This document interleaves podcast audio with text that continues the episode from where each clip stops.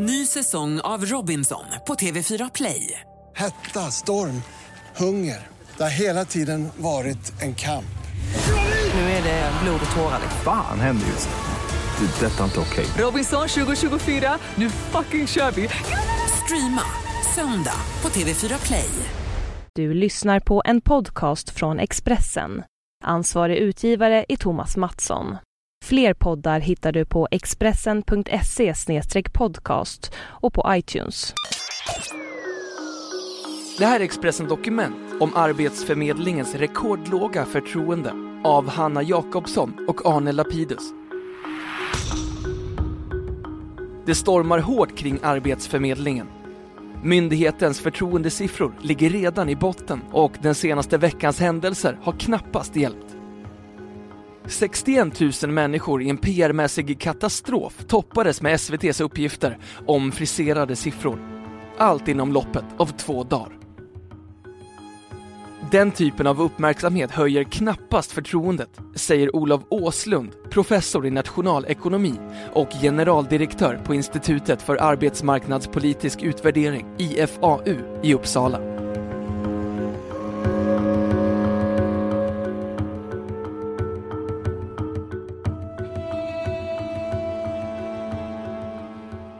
Klockan var strax före 13 i onsdags när polisen fick ett överfallslarm från ett av Arbetsförmedlingens kontor i Stockholm.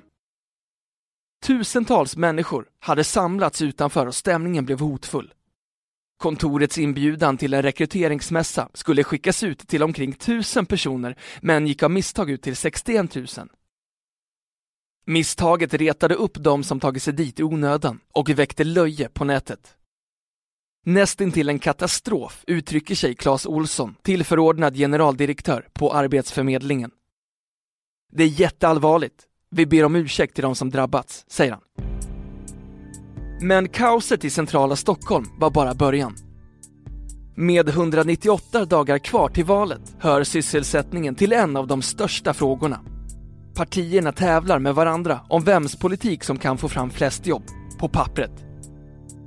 Och med en arbetslöshet på 8,6 procent i januari vilar en tung börda på myndigheten. I augusti 2013 avgick Arbetsförmedlingens dåvarande generaldirektör Angeles Bermudes Svankvist efter att Aftonbladet avslöjat hennes skyhöga mobilräkningar. I juli, redan innan kvittoskandalen, visade en SIFO-mätning att förtroendet för Arbetsförmedlingen låg längst ner av alla myndigheter. Claes Olsson, som tog över efter Bermudes Svankvist, har ingen förklaring till de dåliga siffrorna. Kanske handlar det om att förväntningarna är för högt ställda. Men det handlar också om att vi inte levererar på ett bra sätt i våra möten, säger han.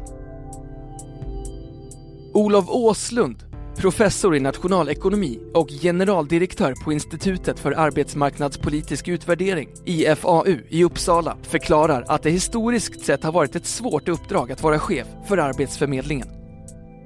Det är en väldigt stor organisation, hög arbetslöshet är en utmaning och det finns en politisk spänning i uppdraget, säger han. Andra myndigheter har tidigare visat att det är möjligt att vända en förtroendekris, säger Åslund och nämner Skatteverket, som har lyckats, och Försäkringskassan som visar tecken på att vända. I grunden handlar det om myndigheter som människor möter när de är i en situation de inte vill vara i. De har kanske inte ett så tacksamt uppdrag, men därmed inte sagt att de inte kan skapa förtroende, säger Olof Åslund. Ursula Berge, samhällspolitisk chef på Akademikerförbundet SSR, anser att Arbetsförmedlingens kriser och problem hänger samman med att myndigheten fått ett omöjligt politiskt uppdrag av regeringen. Enligt Berge kan de anställda inte göra sitt jobb på grund av alla regler. I torsdags presenterade regeringen sin lösning. Mikael Sjöberg, nuvarande generaldirektör för Arbetsmiljöverket, är den som ska rädda myndighetens anseende när han tillträder den 17 mars.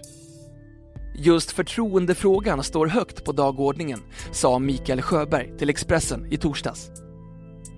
Jag kommer att försöka etablera ett ledarskap som ska vara långsiktigt, hållbart och tryggt för myndigheten, sa han. Han kommer även att behöva hantera anklagelser om att myndigheten förskönar statistik. Under torsdagsmorgonen rapporterade SVTs lokalstation Sydnytt att det fuskats med siffrorna på ett arbetsförmedlingskontor i Arlöv, Skåne. Enligt uppgifter från arbetsförmedlare till Sydnytt kodades inskrivna arbetslösa under flera år om för att förbättra statistiken. Anders Gustafsson är en av dem som i programmet berättar hur det gått till. Han berättar att han var anställd på kontoret i Arlöv fram till 2012 då han sa upp sig. Idag jobbar han som konsult och egen företagare inom personalfrågor. Säg att du och jag är inskrivna som arbetslösa och rätt som det är så kodar någon om oss till deltidstjänst eller att vi har övergått till arbete trots att vi inte har gjort det, säger han till Expressen. Det gjordes hela tiden, men jag vill poängtera att det inte är hela gänget som fuskar utan en eller ett fåtal människor, säger han.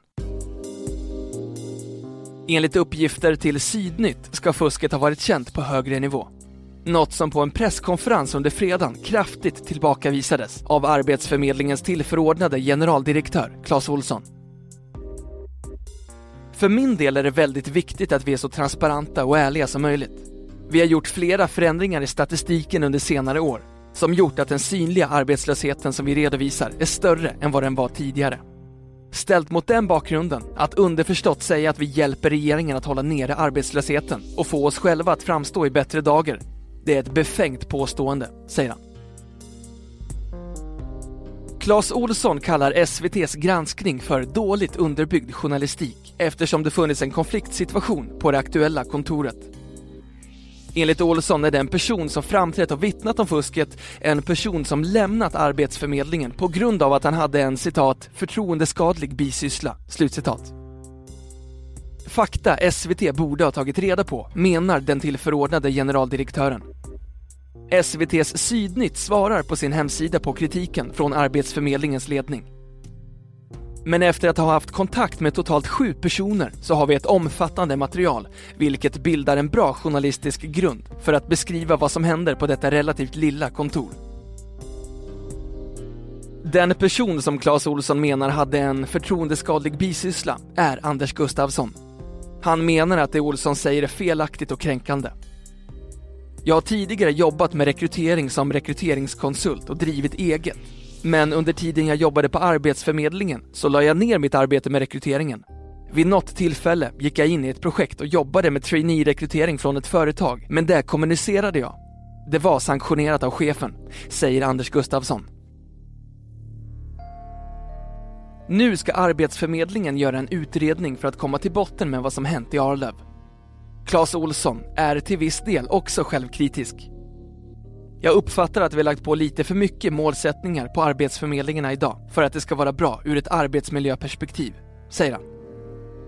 Arbetsmarknadsminister Elisabeth Svantesson kallade i en intervju med Expressen i veckan uppgifterna om fusk i Arlöv för oacceptabla.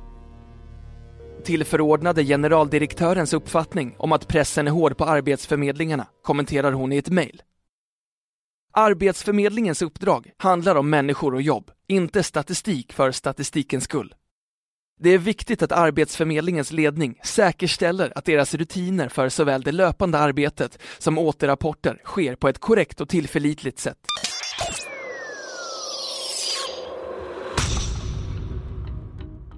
Du har lyssnat på en podcast från Expressen. Ansvarig utgivare är Thomas Mattsson. Fler poddar finns på Expressen.se och på iTunes.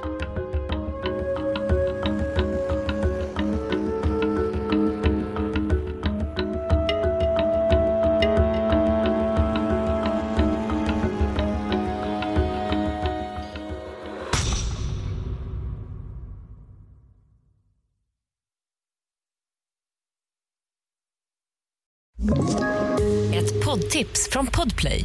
I fallen jag aldrig glömmer djupdyker Hasse Aro i arbetet bakom några av Sveriges mest uppseendeväckande brottsutredningar. Går vi in med hemlig telefonavlyssning och, och då upplever vi att vi får en total förändring av hans beteende. Vad är det som händer nu? Vem är det som läcker?